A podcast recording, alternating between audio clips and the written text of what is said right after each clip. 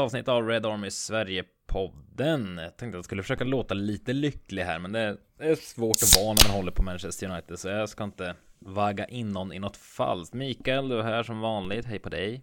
Hej på dig. Det har blivit min standardfras, för du är här som vanligt jämt. Ja. Du är trygg, tryggheten här i världen. Ja, det är jag. Hur, hur gick det för dig i helgen förresten? Så att du sökte fest i vår chatt. fest på Söder.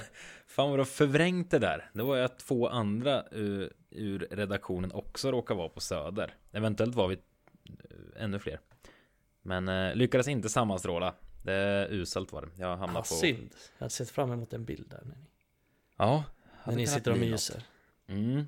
Så hade jag eh, fått min fear of missing out moment. Ja, exakt. Nej, det blev inget. Det var ölrunda med mina bröder. Min lillebror fick det i, eller ölprovning. Eh, Fick det av oss i 25-årspresent. Så vi var runt och sen var vi på stand-up och grejer. Så det var trevligt. Du känns ju inte som någon IPA-kille, jag tänker så här ölprovning. Nej, alltså Du är ju jag... mer så här Janne Andersson. Ja, en ljus jävla jävla, lager. Nej, det, det är ju det godaste. Men jag kan, eh, nej, men jag kan uppskatta en IPA också. Däremot Ja, dök det fram kolsvarta bärs som smakar lakrits. Då, då rynkade jag på näsan. Det kan jag. Stout. Ja, lite Arboga 10-2, men det var inte Arboga 10-2. Ska vi bjuda in Rasmus förresten? Han, jag ska bara berätta om, min, om mitt köp en gång på Systembolaget. Rasmus, säg hej i alla fall. Nej, Mikael ska berätta om sitt köp, sen säger jag hej. Ja, precis. Sen, sen, kommer, sen får Rasmus Jag är tyst då. Nej, jag var på Systembolaget för något år sedan och så köpte jag massa massa fina öl som jag ofta gör. Typ så här lite dyrare IPor och sånt. Så köpte jag väl kanske en 10-11 stycken sådana. Och så lastade jag liksom fram dem och så hade jag också med mig Jag köp, köpte också en Arboga 10-2 för att jag hade något slags så här moment där jag har drömt om att Men fan jag ska köpa en sån. Ska jag sitta ensam hemma och så ska jag bara svepa den Som ett jävla Nej. psykfall.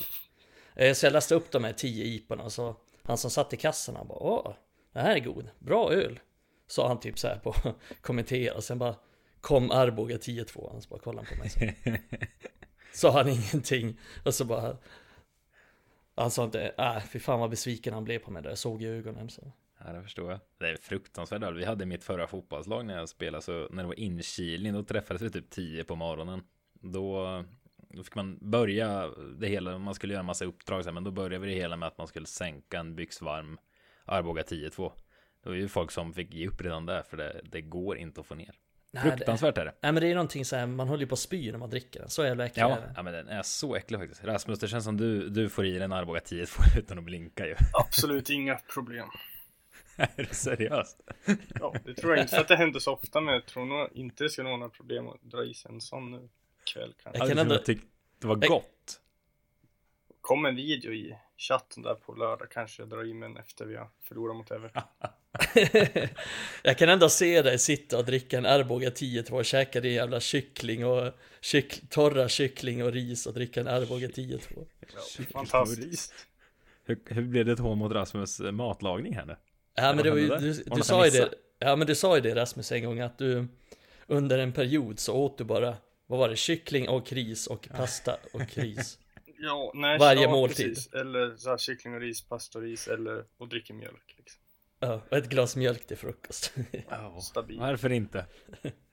det är bra. man, man kan fan Och sen Arboga det. 10-2 på det Nej usch, det, nej det, det blir inget med det.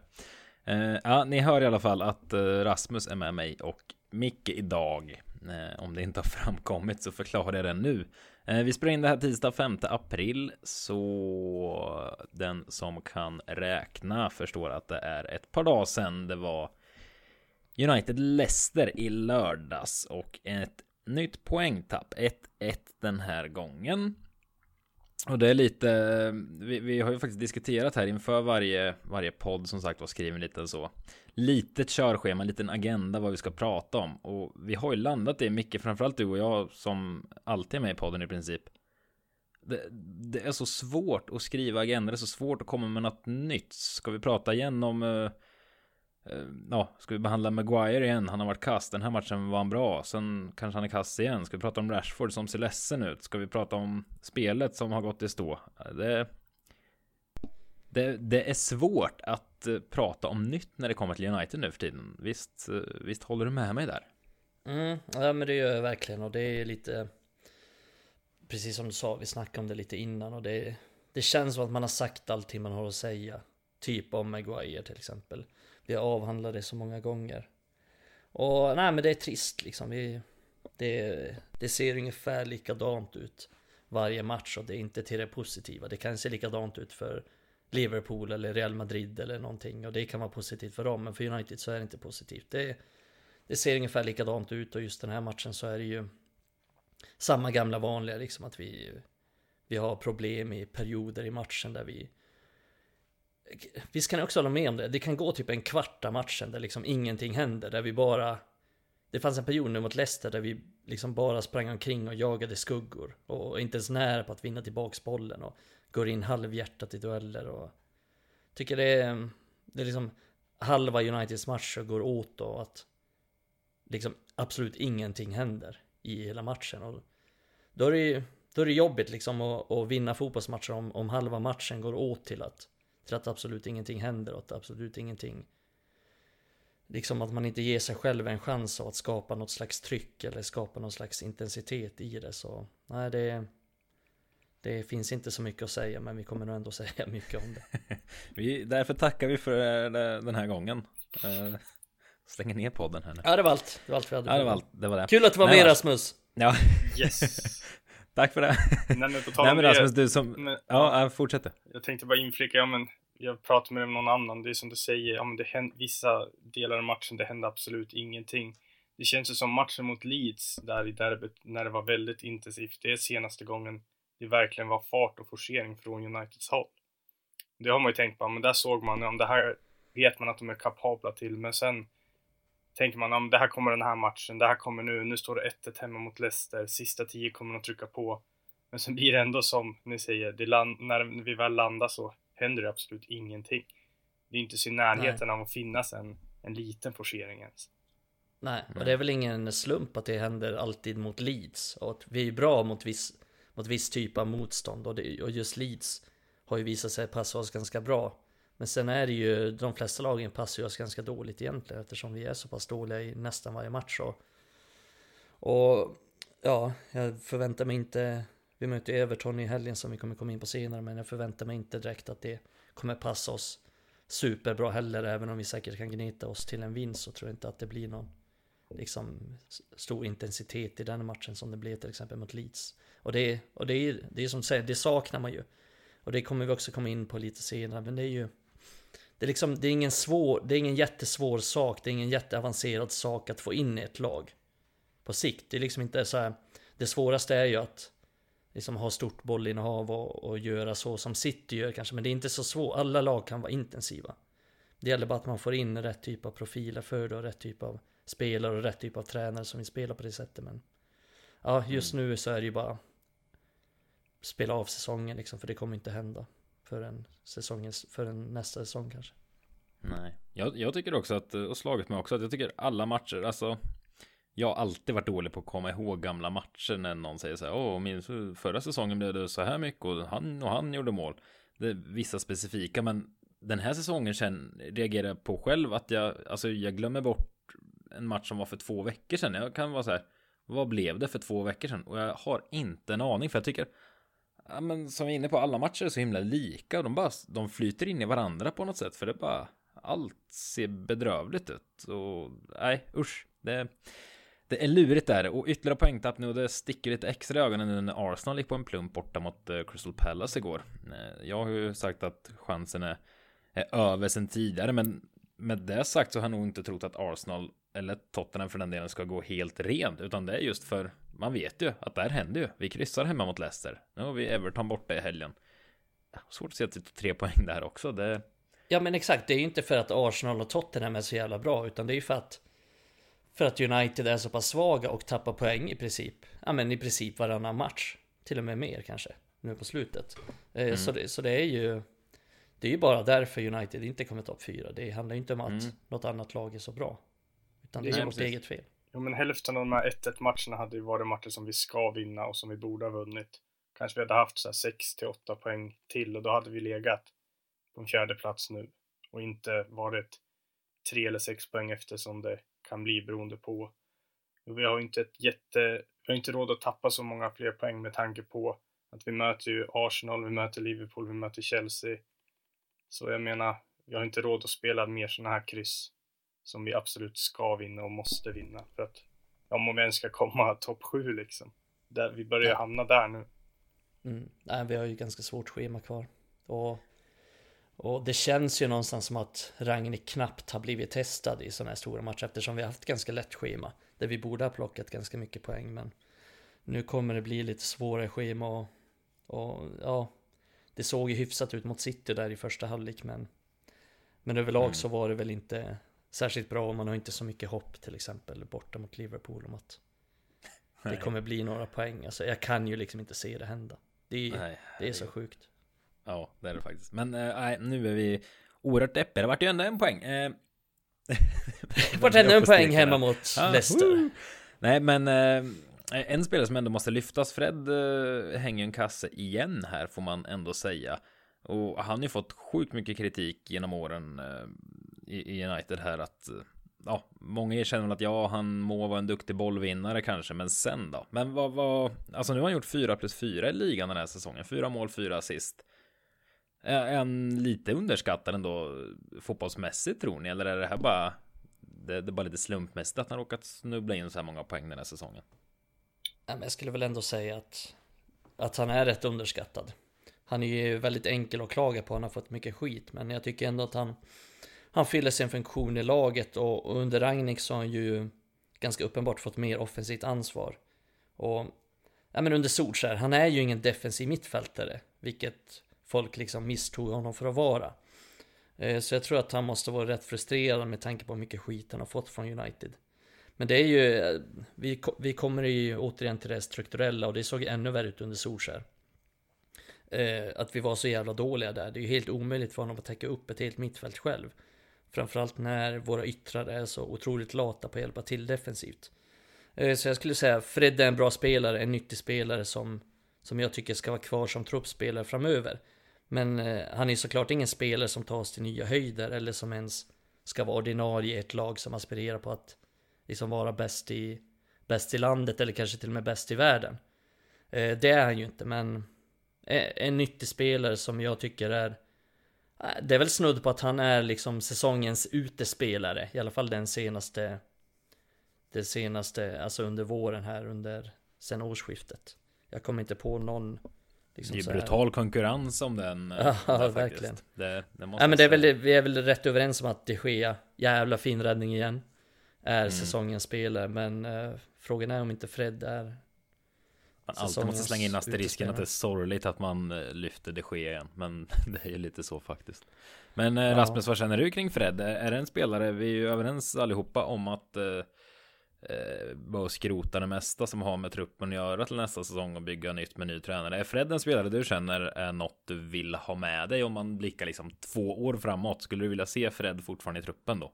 Jo, men absolut. Speciellt med tanke på ja, men, vad vi har för mittfältare i dagsläget. Man har väl kanske landat mer att ja, men, McFred har ju fått kritik under hela förra säsongen och även början av den här säsongen. Och då kanske man har landat i att McTominay som kanske är det stora problemet och inte just Fred. Att Fred kanske lider för att han spelar med McTominay. Eller ibland har han kunnat spela med Pogba och Matic också. Det, har ju, det finns ju ingen kombination där som har funkat. Om vi förutsätter att Pogba försvinner, eh, Matic är borta om, ja han har ju max en säsong kvar i Manchester United. McTominay har svårt att stanna i United jättelänge till. För när det väl börjar satsas, ja, som det nu lovats att man ska göra, värva in nya mittfältare, ny tränare och allt möjligt, så har jag svårt att se att han får en plats i United, även ens som en utfyllnadsspelare. Då kanske Fred är bra att ha där, spela vissa matcher, kanske ha som tredje, fjärde val när alla är friska. Mm. Så absolut så har jag inget emot att han är kvar, speciellt nu när han växer också. Han är ju som, mm. som ni sa, ja men kanske den bästa utespelaren sen Ragnik och då visar det i alla fall tecken på att han har förbättrat sig, att han kan förbättra sig. Och eftersom ingen annan har gjort det så visar det också kanske ja, men på en annan mentalitet också, att man verkligen vill visa upp sig. Att man vill ha en plats kvar i United. Mm. Ja, men jag tycker att han är en spelare som kommer ut med huvudet högt efter den säsongen.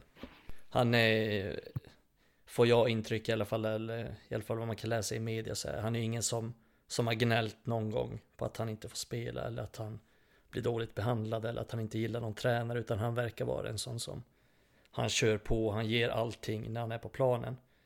Det tycker jag märks av liksom så också att han har, han har ju fått en utveckling där. Poängmässig, stor poängmässig utveckling också.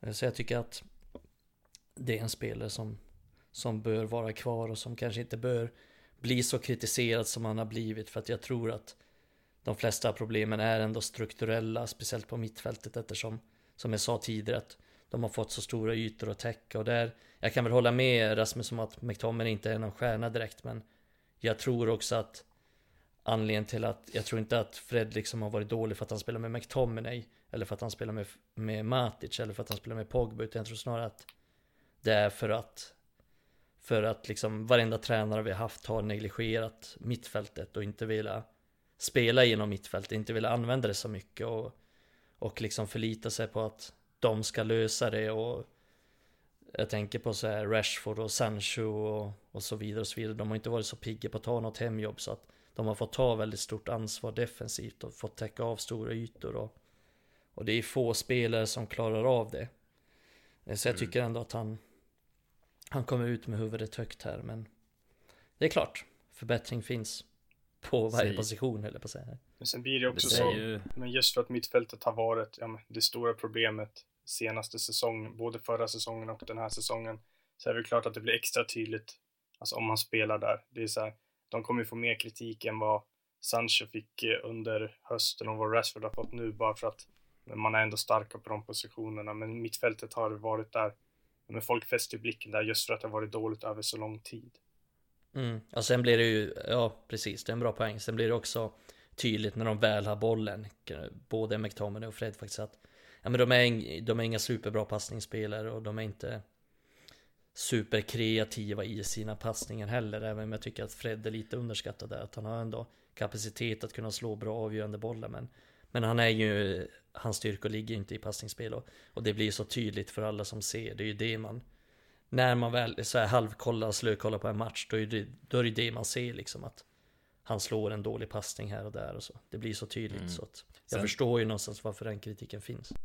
Jag håller med om att eh, Fred har att det är en svaghet han har, spelet med boll så. Men det tycker jag ändå, om man ska jämföra honom med McTominay, att det är en av de största skillnaderna man ser på, på honom. Alltså Fred har ändå ett tänk och han kan liksom kliva in i rätt ytor och så vidare. Det tycker jag McTominay har extrema problem. Han hamnar alltid i passningsskugga och står och gömmer sig och vill liksom inte se det ut som utan han Ja men han räds att få bollen där tycker jag man ser något annat i Fred ändå även om det inte blir hundra jämt så Alltså han parkerar liksom inte bakom motståndarnas eh, anfallare som sätter en press som är hur enkel som helst att lösa för man bara står där i sin position så det Nej, där ser jag en stor skillnad och nej, Fred är också min gubbe om man ska välja mellan de två framåt. Eh, mm. Och det känns ja, men, som man behöver välja mellan de två framåt faktiskt, för de är hyfsat lika någonstans i spelstilen, även om de inte är helt lika så Nej men det, det, det hade bara inte funkat om vi spolar fram två år och har kvar båda dem. De skulle inte fylla funktion tillräckligt. Nej, och sen är ju McTominay liksom, det han är bra på det är att han kan ta bollen och liksom driva framåt med den. men eh, som passningsspelare så är han ju inte kreativ. Det är ju, eh, jag, tror ni, jag tror ni håller med mig om ni tänker på hur många gånger har ni sett honom liksom slå en avgörande penetrerande boll liksom som skär genom backlinjen. Han slår ju aldrig sådana.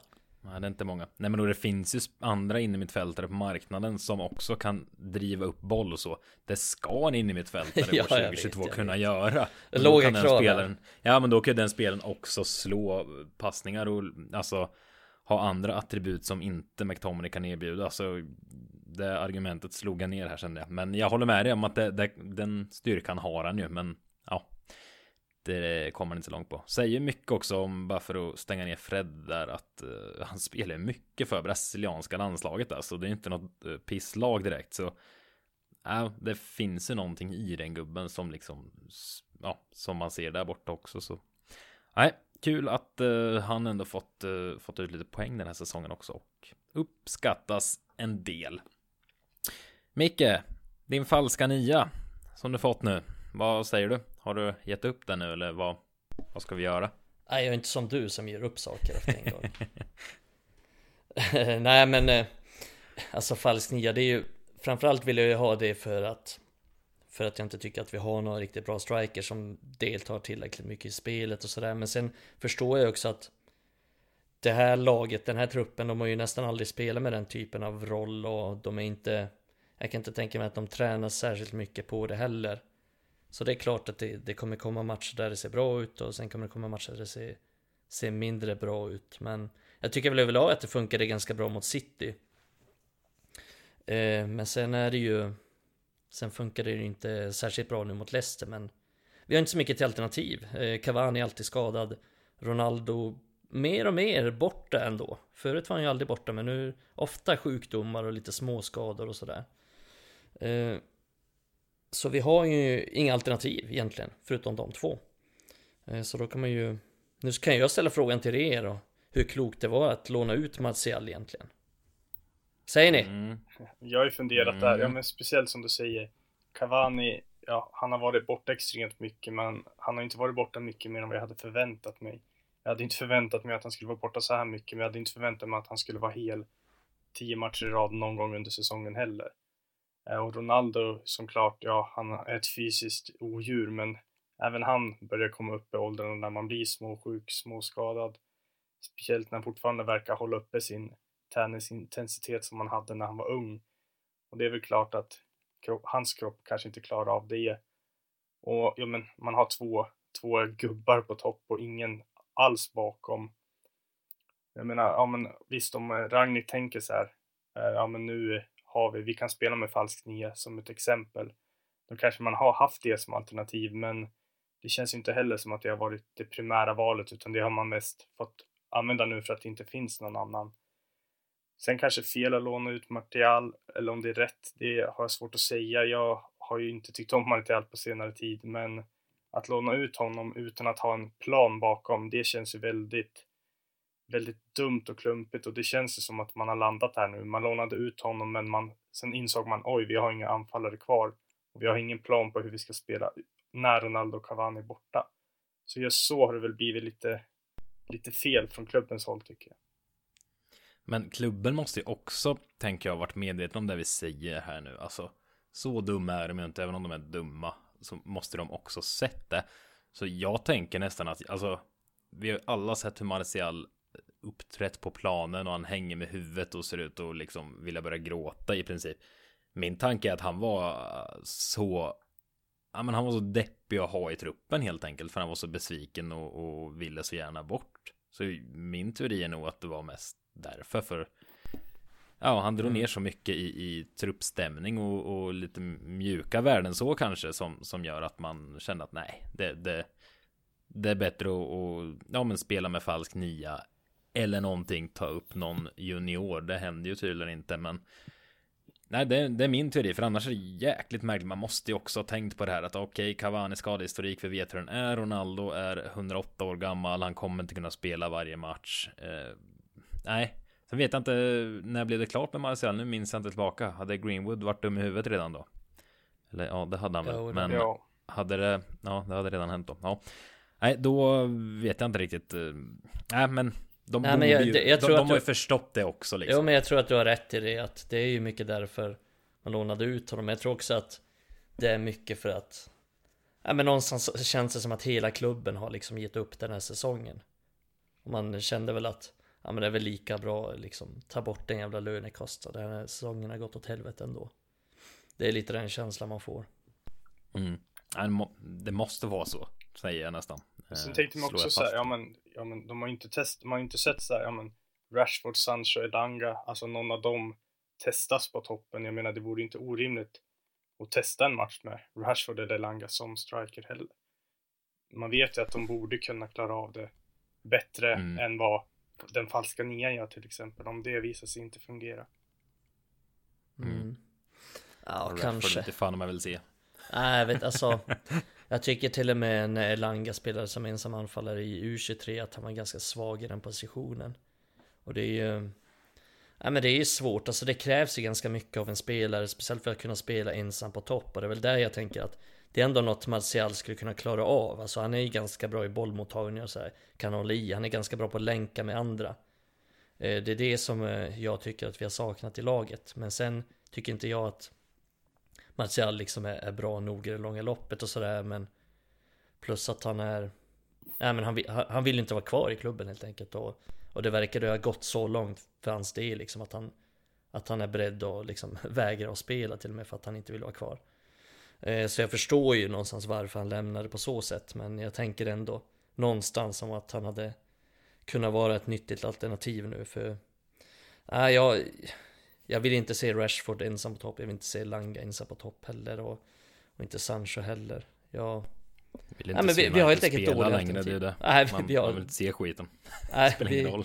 vi har så dåliga alternativ där så att det liknar ju ingenting. Det är det som också Ja. gör det så konstigt, alltså att han Nu landar vi där igen med allt vi säger nu att då blir det ju ännu mer konstigt att de väljer att låna ut honom och inte ha någon slags backup-plan. De skulle ju typ kunna ta in någon som Alltså, nu vet jag inte, nu kanske inte det är jätteoptimalt men typ som när de tog in Igalo på en billig transfer på ett korttidskontrakt. Antingen det eller ta upp någon ungdomsspelare men då har man i alla fall en anfallare där. Nu har man ingenting. Nej. Nej, och, det, och det är ju... egendomligt. Nej, det är ju också sen lite så med Ragnik att han är liksom ingenting att vinna på, att- vi pratar så här, ta upp ungdomar. Han, för hans del så, han har liksom inte, ja men ser det från hans sida. Han vill, han vill, eh, han vill försöka nå så bra resultat som möjligt. Han vill försöka nå en fjärde plats. han vill försöka vinna så många matcher som möjligt. Från hans position så är det inte värt att chansa med att ta upp en ungdom liksom för att, ja men faller det inte väl ut, det ger ju inte honom någonting om Charlie McNeil får två matcher den här säsongen eller inte. Det skiter han ju fullständigt i. Han kommer inte vara tränare ändå nästa säsong.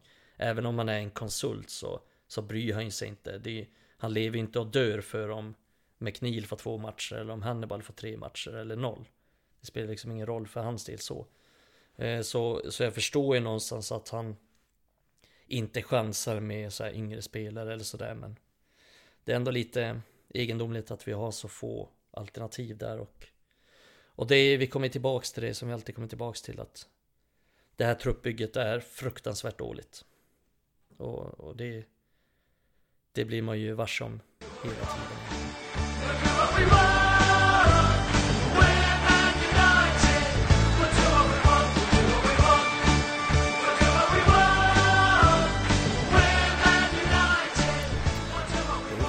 En spelare som eh, man eh, ändå pirrar lite att eh, man kanske kommer få se en vacker dag. Det är ju James Garner. Det var ju Bruno Fernandes hade någon sån, vad heter det, Q&A va? Eh, ja, tror jag. Nu är jag down with the kids känner jag, men eh, något sånt. Boomer. Eh, ja, exakt. Men eh, då fick ju han någon fråga i stil med att vem han, eh, ja, vem från akademin typ han mest ser fram emot att spela med och svarade då att eh, han eh, helst hade spelat med James Garner. Micke, du som har järnkoll på allt och alla, förstår du honom? Är det en pik till och med mot vårt innermittfält vi har idag? Ja, det tror jag Känns inte som Bruno är en sån pikare. Nej, nej men jag känner väl mest att han måste ju nämna någon. Han får frågan, han måste nämna en ungdomsspelare. Och då nämner han honom.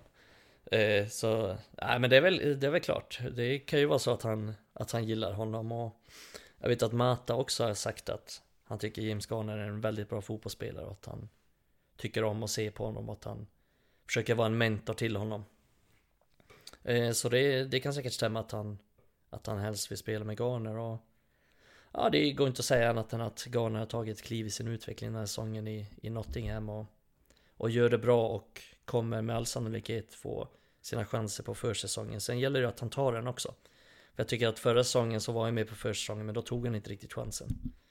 Eh, så han var väl inte riktigt redo så förhoppningen är väl att han är lite mer redo nästa säsong. Man får ändå komma ihåg att han spelar på en position på innermittfältet där få i den eh, åldern som han är i är liksom ordinarie i sina lag. Det är inte så att Luka Modric var, var ordinarie liksom när han var när han var 20 bast utan han harvade ju på liksom i typ kroatiska ligan och i tror han var utlånad till typ bosniska ligan någon gång också när han var i den åldern så så innermittfältare blommar ju lite senare än andra men ja, Garner kommer få sina chanser på försäsongen och Och tar han de chanserna, ja då finns det alla möjligheter att, att kunna slå sig in i truppen och det gäller ju egentligen alla spelare. Och speciellt de Mm. unga spelarna för att vi är i ett skede där, ja men vi har inte så, så bra spelare på alla positioner och vi har många luckor, framförallt på innermittfältet och och säg att Ten Hag kommer till exempel, ja men då kommer det bli ett helt nytt sätt att spela. Och det kommer gynna många av de yngre spelarna tror jag också som Som har liksom bra fysik och som är bra med bollen och har bra teknik och har framtiden för sig som kommer kunna anpassa sig till det lite snabbare än, än många andra till exempel. Så eh, det ska bli spännande att se och förhoppningsvis så får Bruno spela med Garner nästa säsong. Mm. Försäsongen för övrigt eh, har vi väl inte nämnt va? Det har ju kablats ut att eh, United ska utomlands på en sån tour för första gången sedan coronan dök fram. Eh, så från er som inte hört det så ska de till eh, Bangkok i Thailand och Melbourne var det va? I Australien där man ska möta Liverpool, Crystal Palace och så är det väl något sånt hopplock tror jag. Från australiensiska ligan eller något sånt lattjo.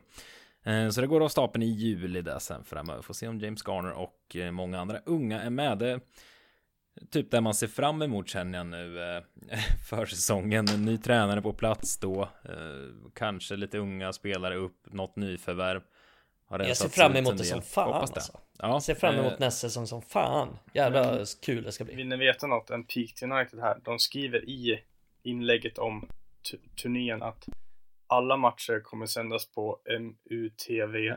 Och sen står det så här, stjärna, bara förutom i Thailand och Australien, för där går det inte med rättigheterna.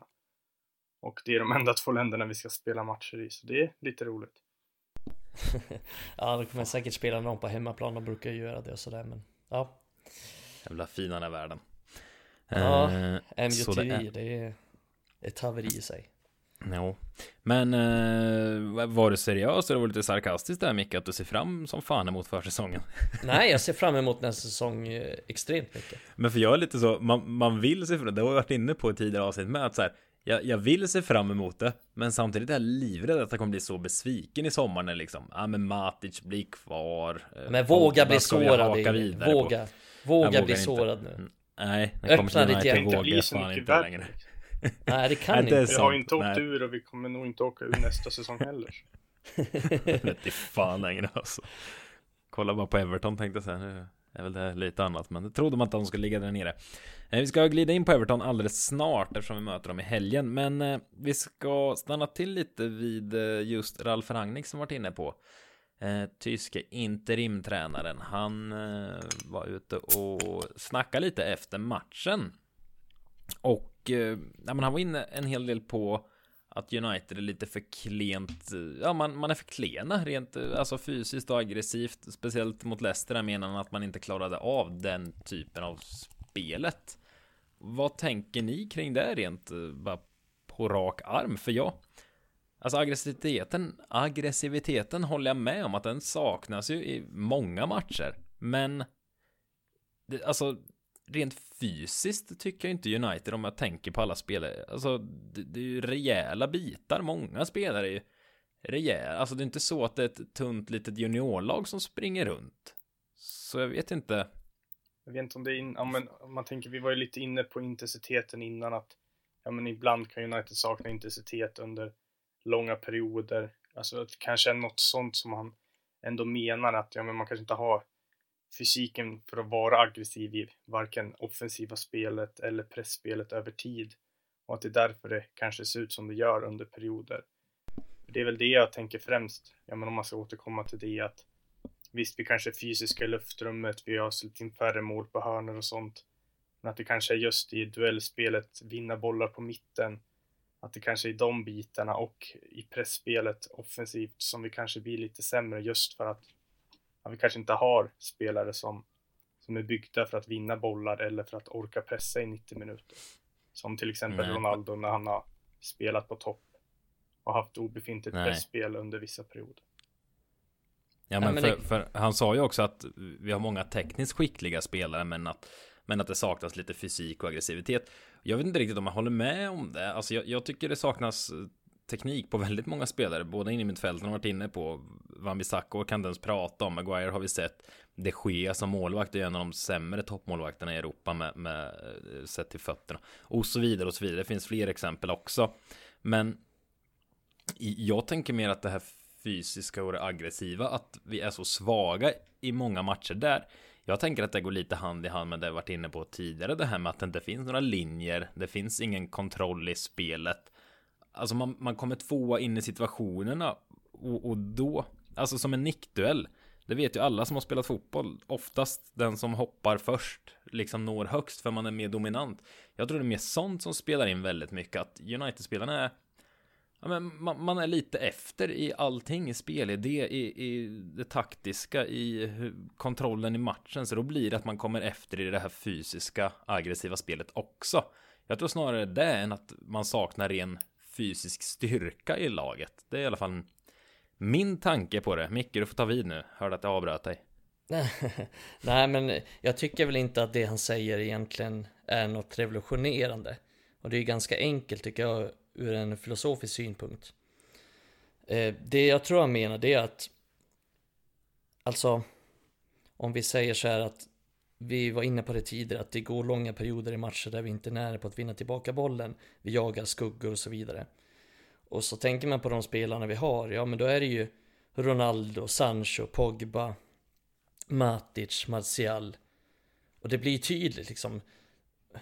Jag tycker att det blir fel fokus här när man snackar om att Ronaldo är bra fysiskt. Alltså ja, på ett sätt så har han ju stora magrutor och är stark i armbrytning kanske. Men han är inte svinbra på liksom vinna tillbaka bollen, på att pressa. Han orkar inte pressa, han orkar inte springa så mycket. Han vinner inte så många dueller. Alltså han är, han är ändå ganska svag i liksom så här kroppsduellerna när det väl kommer. Och, och det är ju också, det är inte Pogba, men han är ju ganska liksom så här han är ju inte så intensiv i sitt spel och samma med Matic och Martial är också den typen och Sancho är inte heller så intensiv. Eh, så jag tycker inte det är så komplicerat egentligen. Eh, det, grejen är ju att alltså, man måste köpa in spelare som passar i det sättet man vill spela. Och det är klart, ibland, ibland så blir det inte så bra som man har tänkt, men annars är det inget, inget svårt. Så jag tänker att framöver så behöver vi tekniska spelare men som också är snabba och starka fysiskt.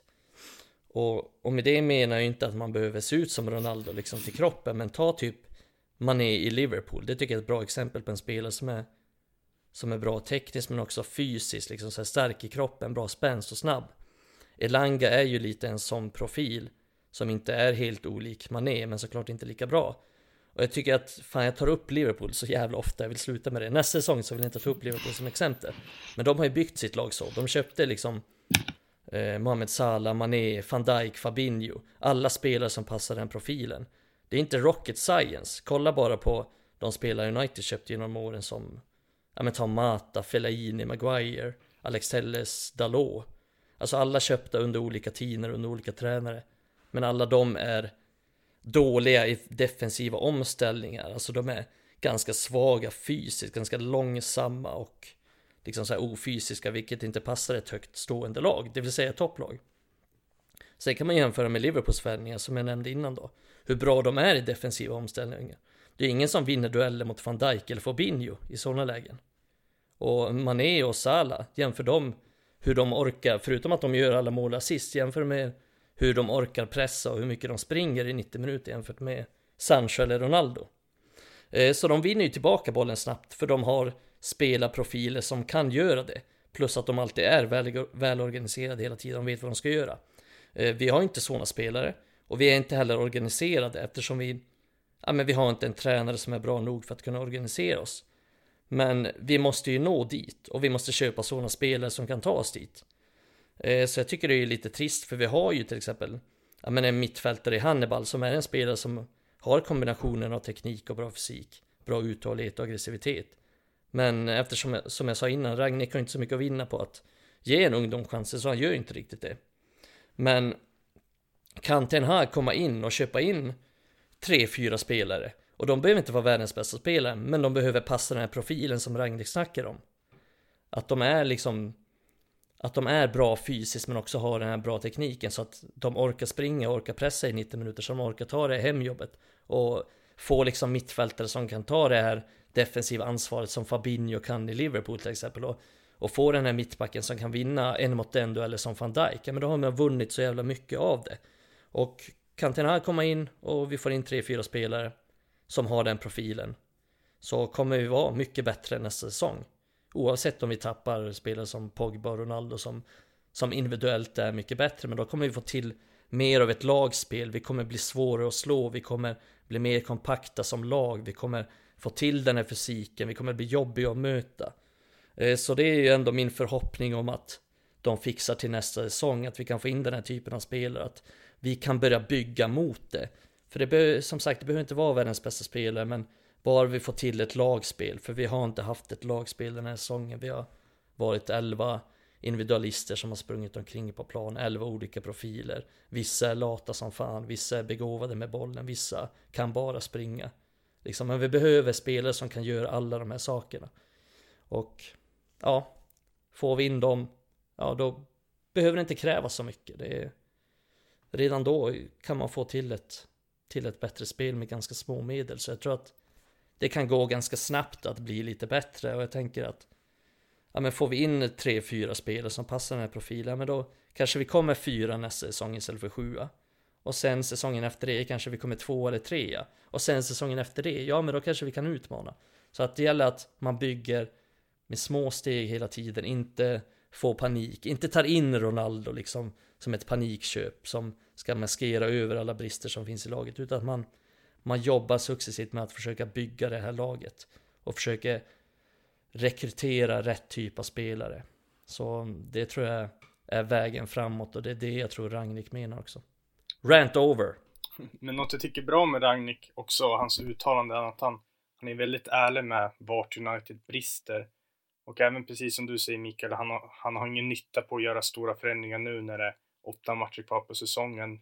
Men i hans konsultroll sen, sen så känns det rätt bra att han, känns som att han är, har en ganska klart för sig, ja, här är United dåliga, här behöver man förbättra sig. Och det är väl där man kan känna att, ja men när han går över till sin konsultroll, när han ska prata med olika tränare och sportslig ledning och sånt, att han verkligen kan bidra med att ha varit där och väldigt nära på träningsplanen och matcherna sett vart det är United behöver förbättra sig.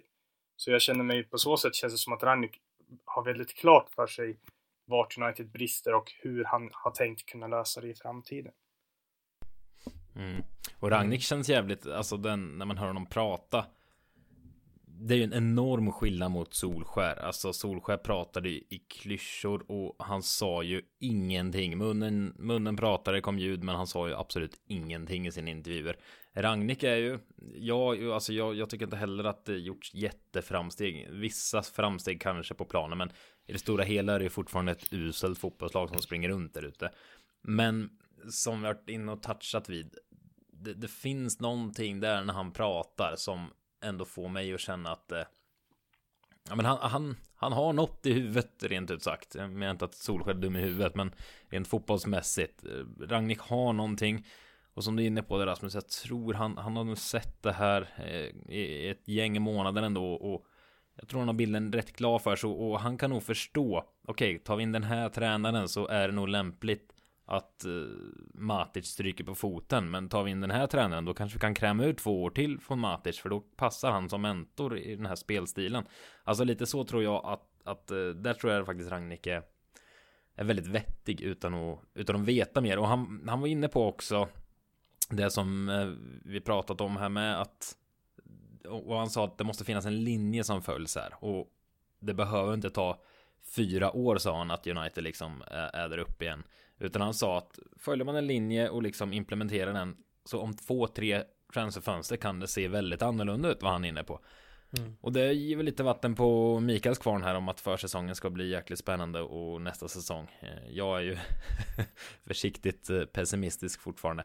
Nej, men jag fattar vad ni menar. Jag ser också fram emot det. Men vad, vad tror ni om det? Att kan det räcka med två, tre fönster? Om, om en röd linje finns. Det, det, det, finns någon tanke bakom allting och det följs. Eller är det lite för optimistiskt sagt av den gode tysken? Ja, det beror lite på hur mycket pengar man har att röra sig med och hur lätt man kan få in de typerna av spelare man vill ha. Eh, så det är svårt att säga så här, men Men jag tror absolut det. Jag tror inte, det som jag sa innan, jag tror inte det behövs så jävla mycket. Eh, Det behövs bara att man får in rätt typ av spelare. Kolla på de spelarna, fan nu tar Liverpool som exempel igen. Ni får cancella mig snart. Men det är ett bra Men- exempel men kolla- faktiskt. De var Ja, där men vi kolla- är typ för några år sedan och sen Ja, men exakt, gjorde men man kolla- mycket rätt och nu är man Det där var man är. ingen som ville, det var ingen som ville köpa Mohamed Salah. Eller ingen, Nej. men alltså det var ingen storklubbar som var ute efter honom. Det var ingen uh, Erling Haaland direkt. Och samma med liksom så här Fabinho och den typen. De fick ju de spelarna ganska enkelt och inte allt för dyrt och inte så mycket konkurrens. Eh, så, ja men hittar man rätt profiler så kan det gå ganska snabbt. För, för Liverpool så tog det inte så många transferfönster till exempel. Och de var i samma situation som vi är. Och anledningen till att jag tar Liverpool som exempel det är ju för att ja, men de är ju väldigt lika som klubb som United på det sättet att de var en gång i tiden liksom världens bästa lag. Men sen gick det otroligt många år där de var dåliga. Och de famlade i mörkret. Och det är exakt den situationen United är. Men sen fixade de till sin ledning liksom sin sportsliga ledning och fick in en riktigt bra tränare och då tog det två, tre, fyra transferfönster så blev de bäst i världen. Så det, det så länge man gör saker rätt så behöver det inte ta så lång tid.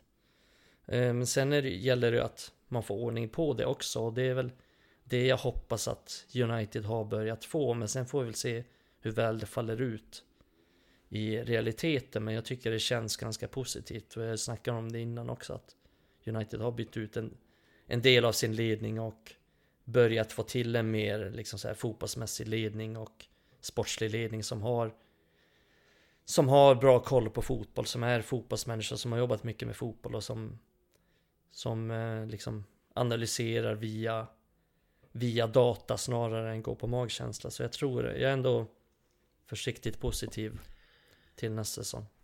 Men vill man få in, nu pratar de så här, ja men få in tre, fyra, fem spelare. Vill du då att det är rakt upp och ner värvade spelare eller tänker du då också att det är spelare vi är ute på lån och så vidare och ungdomar och, och eller vill du se liksom värva fyra, fem spelare, kör. Nej men jag tänker väl kanske att man värvar tre, fyra spelare utifrån. Och då tänker jag väl att man värvar spelare som kanske kostar Ja men säg 30 miljoner pund eller Eller 40 miljoner pund eller sådär Declan Eh, Rice ungefär då. Ja precis Så värvar vi liksom såhär Declan Rice Direkt i sommar, ja, men då, då kommer jag ge upp där för då tror jag inte Det är det som kommer ske. hända. Nej det kommer inte ske Och det är jag glad över att det inte sker Inte för att Declan Rice är dålig liksom men Men det Det är inte så, vi kan inte bygga så nu vi, Declan Rice köper man om man är liksom City och är bäst i världen och behöver en pusselbit till. Då, kan, då har man råd att köpa Declan Rice. Men vi behöver tre, fyra nya startspelare. Men sen tror jag också att Vi har en del yngre spelare som kan komma in i, i laget till nästa säsong.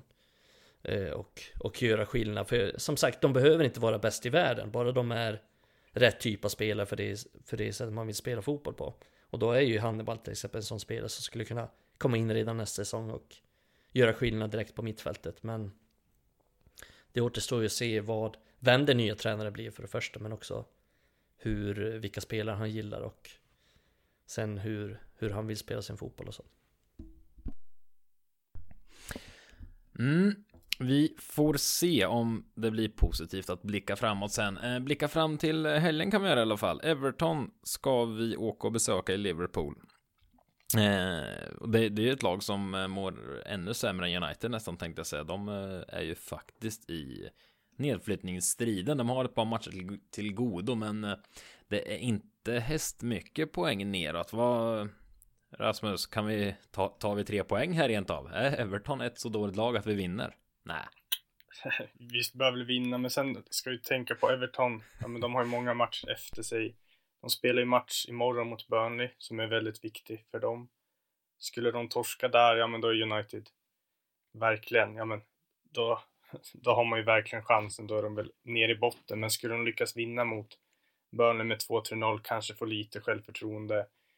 Ja, de kryssade ändå mot United i hösten och man vet aldrig, de kanske får, får för sig att göra någon kanonmatch mot just United på lördag. Men jag menar, vi ska ju vinna mot Everton, tycker jag, alla dagar i veckan. Men just den här perioden och de här matcherna som är, ja men nu när de spelar intensivt och vinner de mot Burnley imorgon, får nytt självförtroende, skulle vinna mot United, ja har de i princip räddat sin säsong. Då har de ju ja, då har de ju nästan eh, nio poäng upp på Watford tror jag, med lika många spelade matcher. Så om man ska tänka det sig från Evertons håll så har de ju världens guldchans nu. Vinna imorgon, vinna eller kryssa på lördag så har de ju nästan räddat sin säsong. Så de har ju betydligt mer att spela för än United. För United där, ja, vi ska komma dit och vinna, men det är inte så här att spelarna kommer göra allt de kan för att vi måste vinna. Det kan, kommer ju lätt kunna bli en sån match som det var mot Leicester. Så på så sätt är det ju lite kanske så här, ja visst innerst inne så vet jag väl att vi ska vinna men Everton har betydligt mer att vinna.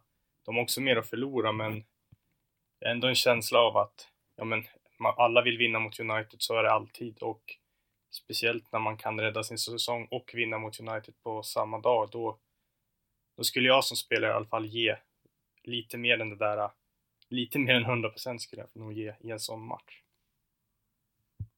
Mm. Nej, det kommer bli en jobbig match att se på igen kan jag gissa. Men eh, vi har ju ett par United-bekantingar ändå i Everton eh, som eh, kanske inte har eh, rosat marknaden fullständigt här på sistone. Den gode Michael Keane tog ju rött kort här i deras senaste match mot, vilka mötte de då? West Ham var det va? Och du ja. Rasmus, du scoutade in lite innan avsnittet här. De har faktiskt tagit rött kort i sin, alla sina tre senaste Premier League-matcher. Sen har de ju också Donny som gått dit på lån, van de Beek och där har det inte rosats marknad heller. Och han är ju, han eh, eh, vart lite skadad här senast också har jag läst någonting om. Men han skulle väl inte få spela mot eh, United ändå väl? Nej. De reglerna sitter i. Uh, ja, nej, men uh, finns ett par United-bekantingar som sagt. Men uh, sen har vi också Ricardi som måste vi kanske nämna. Som tillhört Everton ett gäng år här nu. Han ryktas ju faktiskt en hel del till United, eller en hel del. Det gör ju de flesta spelarna i Europa tänkte jag säga. Men det finns ändå rykten kring Ricardi. Som vad känner du kring det Micke? Är det en spelare du hade velat ha in för att det ska pirra under sommaren? Pirra till det hade det inte gjort men Jag tänker ändå Säg i dagens läge så hade han ju gått rakt in som striker i elvan Det tycker jag definitivt Sen Sen är det väl ingen spelare jag kanske hade satsat på så men Men eh, skulle man få honom billigt så kan han säkert göra nytta i En, två säsonger Men Nej, Känns det inte som för en till med lite halvtaskig attityd som hänger med huvudet om man blir utbytt och så vidare då? Det är bara min farhåga. Vet inte. Tycker han jobbar rätt hårt så när han spelar på planen. Det känns ganska lite som Suarez på så sätt. Han vill väl bara spela. Liverpool liksom. här. Atletico Madrid. Jo, jo men. du, du förstår vad jag menar. Nej. Nej. Nej, nej. nej, men det, det nej men det är väl klart att jag inte hade velat ha honom på så sätt. Så är det att jag bara sitter där. Värvar i Carlisson. Men man Nej. får ju också se till var vi är och vad vi har för typ av spelare och vi, ja, men vi behöver en striker och det kommer bli Kommer bli svårt att dels få till någon dyr men också att Liksom väl få en striker som Som kommer göra nytta. För det känns inte som att det finns så jättemånga bra på marknaden heller. Sen också som du var inne på innan, ja men Cavani lämnar ju definitivt. Jag menar Ronaldo skulle lämna också. Då har vi fan ingen striker liksom. Då kanske Nej, man ändå behöver, så. då kanske man inte har råd att köpa en. Prio är kanske inte att lägga 120 miljoner pund på Kane utan då kanske man får, får ta två medelbra strikers istället eller köra på något sånt.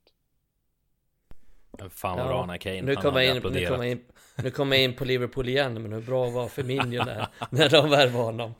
Vad var det för stort namn va?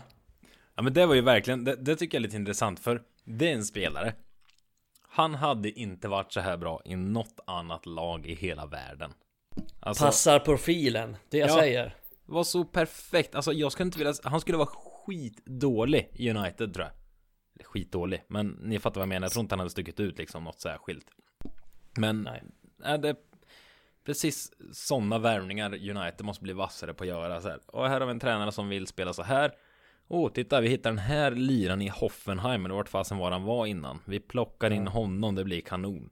Och det blev kanon. Ingen annan tänkte ens tanken, tänkte jag säga. Ja, men det, Rekrytering, det är sånt. det är A och O. Ja, det är precis. eh, Det, det var en bra Liverpool-jämförelse. Den ska du ha. Och det var den sista för Jag dagen hoppas var bra. Vad- Vad sa du? jag. sa att jag hoppas att det var den sista för dagen. Ja. Jag Ska vi inte värva Klopp i sommar ändå, eller? Fan att vi inte fick Klopp. Ja, det, det hade varit intressant. Fatta om vi tog Klopp då när Klopp gick till Liverpool. Undra om eh, det på riktigt hade varit liksom helt skilda världar. Då hade Liverpool fortfarande harvat down under och vi vart eh, topplag. Intressant eh, fråga som vi aldrig kommer få svar på. Men hur känner vi här nu då? Vi, jag har ju gett upp eh, topp, eh, eh, vad heter det? Topp 4 heter det för länge sedan. Nu, ja, hade vi bara vunnit mot Leicester så hade vi legat på lika många poäng som både Spurs och Arsenal här nu. Oh, säg inte det. En match, Jag, jag, jag har ingen eh, aning om hur tabellen ser ut. Nej men en match mer spelad än Arsenal har vi och är tre poäng bakom nu. Men som sagt, nej hade vi vunnit hade vi haft 53 poäng såklart. Eh, Vi tog en poäng. Men då, då hade vi liksom haft chansen på riktigt fortfarande. Men det är ju just det här. United går ju definitivt inte rent och både Spurs och Arsenal ser ju fortfarande vassare ut i grunden än United. Så men om vi nu leker med tanken, vi har ju lite olika eh, olika scenarion här. Vi kan hamna i Champions League, trots allt fortfarande. Vi kan hamna i Europa League och vi kan hamna i det här oerhört sexiga Uefa Conference League heter det va? Eh, Ja, det heter ju inte Europa Conference League. Det Jag heter har ju... ingen aning vad det heter. jo, visst heter det Uefa Conference League. Jag Micke, vet inte vad det heter, du. jag vill inte veta vad det heter. Ja, ja, för er som inte har någon koll på det som knappt vi har, det är ju det här som startades inför den här säsongen väl. Typ dit eh, riktiga Ängagäng-klubbar kan komma. Det är väl där Bode Glimt har varit starka i den norska klubben. Där Tottenham åkte ut. Spöa Mourinho. Ja, ja, det är... eh, 6-1. Mourinho på- i, i Ja, Bode. är 6-2. inte sexigt. Men det är väl typ Va? Lag det 6-7. Ja, något sånt.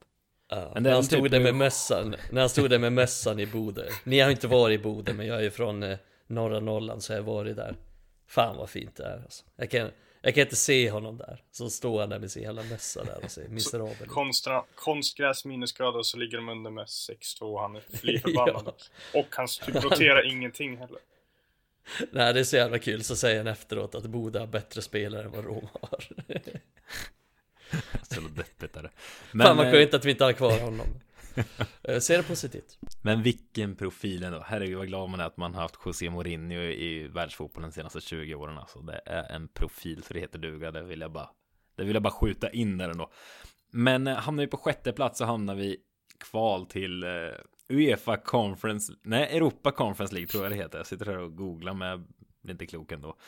Eh, Ja, Conference League i alla fall. Eh, kommer vi sjua eller lägre då, då blir det inget Europaspel alls. Det Om är- det inte händer att någon vinner någonting som gör att vi kommer in ändå, det vet man aldrig heller. Jag ska bara rätta det. Det är kval till Europa, eller Uefa Conference League eller vad fan det nu heter, om man kommer sjua. Uh, aha. Just för att... Det kan ju vara bra att spela ungdomarna i. Jo, för FA-cupen och Liga-cupen gör ju att... eh, Just det. Eftersom Liverpool vann någon cup så Just skjuts ju den platsen ner där. ett. Inte för att någon, det spelar så stor roll, men nu är det så. Fan, då måste vi sikta på att komma åtta då. För att slippa. Europaspel, ja. Precis. Nej vars, men vad, alltså, vad, vad tänker vi? Vad, vad vill ni? Såklart vill alla komma topp fyra och Champions League och såklart vill vi vinna så många matcher som möjligt och sluta så högt som möjligt i ligan. Det fattar jag också. Men vad, men vad, vad tror ni är bäst nästa säsong? Alltså Conference League, kommer spelare fly härifrån och vill man hellre inte spela Europa alls? Eller vad, alltså vad, ja, hur ser ni på de olika alternativen? Alltså, Jag vet inte själv vad jag vill. alltså jag kan börja säga. de två alternativen. Alltså Champions League är väl... Ja, man vill ju jättegärna hamna i Champions League, men man vill kanske inte hamna i Europa League. För Europa League är ändå... Man kan ändå ha en tuff lottning och det kräver ändå kanske att man ja, lägger lite vikt på turneringen. Eh, skulle man istället hamna i Conference League så kanske med en lätt lottning så skulle man ju lätt kunna rotera in lite ungdomsspelare där. Så det känns ju som att antingen Champions League, Conference League eller ingenting. Det känns som att man inte vill hamna i Europa League. Just för att det tar upp mycket tid och att man ändå måste satsa för att det är lite för tufft motstånd för att rotera fullt ut. Mm. Ja, men det känns väl lite så att Europa League ändå spelar ut sin rätt för oss. Vi har redan vunnit den turneringen. Vi behöver inte vara med i den där jävla turneringen igen. Sen är det ju också med, med Champions League, det är väl klart man vill vara med i Champions League, det blir enklare att locka till spelare och så här också men Jag har aldrig förstått den här besattheten annars av att vara med i Champions League, för det känns ju som att ja, men United är så jävla långt borta i den turneringen, jag tycker fan det är bara ångest när United är med i den Det var jag inne på inför Atletico här, åttondelsfinalen, att men när vi pratar om att oh, det kanske pirrar lite om vi slår ut Atletico här, vilket vi såklart hade möjlighet till att göra och vi hade kunnat vinna det dubbelmötet. Men alltså tänk om vi hade suttit här nu, ja idag, tisdag här idag, kvartsfinalerna drar igång. Alltså tänk om vi hade suttit här och skulle möta vad vet jag, Bayern München, City, Liverpool, mm. något av alla de här lagen. Men vi alltså, blir så jävla krossade av dem. Det, ja, det, hade ju bara, jag hade suttit här med jätteont i magen här just nu då, så här, stänga in mig och dra för gardinerna och ligga i fosterställning i sängen och titta på matchen typ. För man hade bara varit livrädd för så här, ja, ska det bli 8-0 eller något här i rubriken när jag tittar här, United, vad skämmigt. Det, det är så sorgligt att man hamnat där, men jag är där. Jo, det är också så här om man verkligen ska bygga om, ja men rensa lite spelartruppen, få in en ny tränare. Då kanske man inte behöver Champions League för jag har väldigt svårt att se att vi kommer längre än en kvartsfinal om vi skulle spela Champions League nästa säsong. Vi är fortfarande inte redo att utmana om Champions League. Då förstår jag inte riktigt, alltså ja men så mycket som många bara, vi måste spela Champions League, men om vi har ett år utan Champions League så kanske det gynnar klubben mer än om vi ska spela Champions League mm. nästa år. Jag just tänker det som Micke var inne på det med, med, med värvningar, att vi behöver inte värva tre, fyra världsspelare, utan ja, men det här kan, bommar vi Champions League här nu, det kanske tillåter oss att, att gå ner en hylla, värva spelare som ska bli världsspelare snarare om två, tre år kanske, när United ska vara tillbaks på toppen igen. Lite så jag tänker, så jag, det är inte mm. så att jag dunkar ja, huvudet i väggen och missar Champions League för den anledningen. Nej, men jag tänker också att det är nu ska jag inte säga att det har gynnat Barcelona men det har ju någonstans varit men ganska lite. bra för dem tror jag att att de, de eh, gick inte vidare för sin grupp i Champions League och hamnade i Europa League då. Att de har liksom fått lite slå ur underläge och kunna mm. bygga om lite under Xavi. Mm.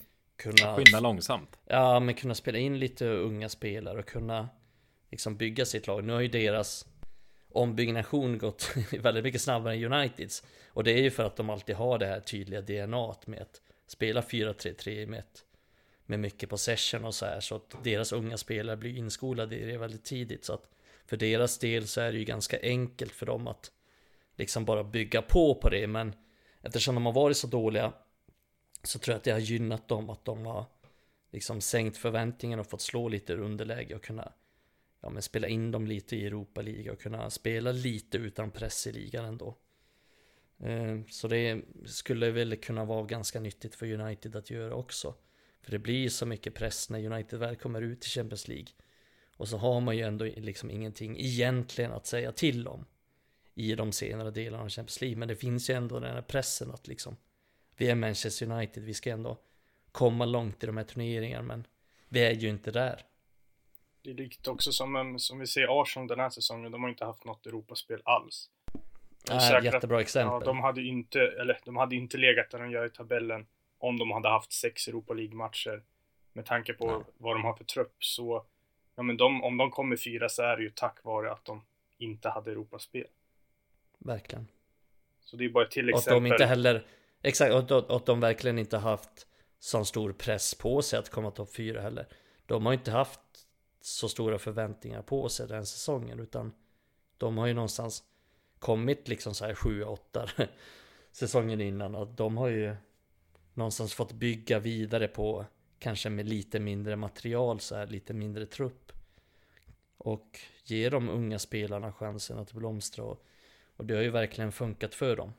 Eh, så jag tror också att det är någonting United bör liksom Jag tror inte det är hela världen om vi missar Champions League på så sätt. Också någonting med att typ så här att man kan få in lite spelare som verkligen vill vara här och kanske verkligen vill ge det lilla extra för klubbmärket snarare än att Champions League är att man dör, lever och dör med Champions League. Mm. En spelare som vill vara med och bygga det här. Det här nya, spännande som eh, du hoppas få se under försäsongen och framåt här. Det... Ja jävlar vad taggad jag är. Ja, nej men det är jag också för att, eh, ja, det har jag varit inne på i podden förut. Jag kan ta missat Champions League om nästa säsong också. Så länge vi ser att man har börjat bygga precis som Ragnhild var inne på. Att man Ja, jag kan ta mycket bara man linjer. visar att man är på rätt köl, att man Oh. att man ser någonting på väg Mm. framåt. För det har jag inte sett, alltså även om United hade kommit två under Solskjaer och kommit Ja, trea och så vidare. Jag har inte sett någonting som får mig Nej. att tro att det här är någonting som kommer funka. För det är det jag vill se nu. Jag vill se Mm. någonting som får mig att tro. tänk dig där om vi går in i oktober sen i höst och vi ser att Ja, vi, vi kanske inte ligger i topp liksom i ligan, men vi ligger så här sexa. Men vi har ändå sett att Oh, vilka framsteg det har gjorts. Vad fint det här ser ut. Det här bara fortsätter. Det är några ungtuppar, ungtuppar som eh, blommar men har lite att lära. Äh, gud, det hade varit roligt. Kolla, nu blir jag också lite pirrig här.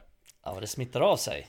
Ja, men något sånt ibland. kan ju också så här Europaspelet påverka. Ja, men kanske storlek på truppen.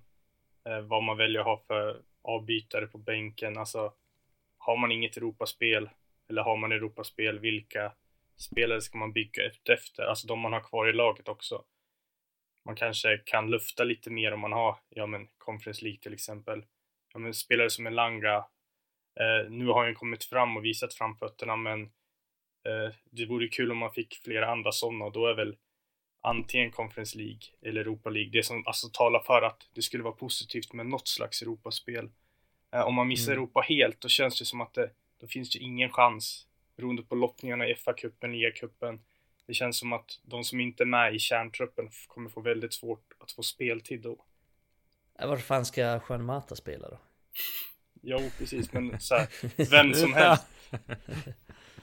Nej men, eh, ska nej men jag kan hålla med om det och sen eh, tycker jag och säg att United hamnar i den jävla Conference League eller vad det heter.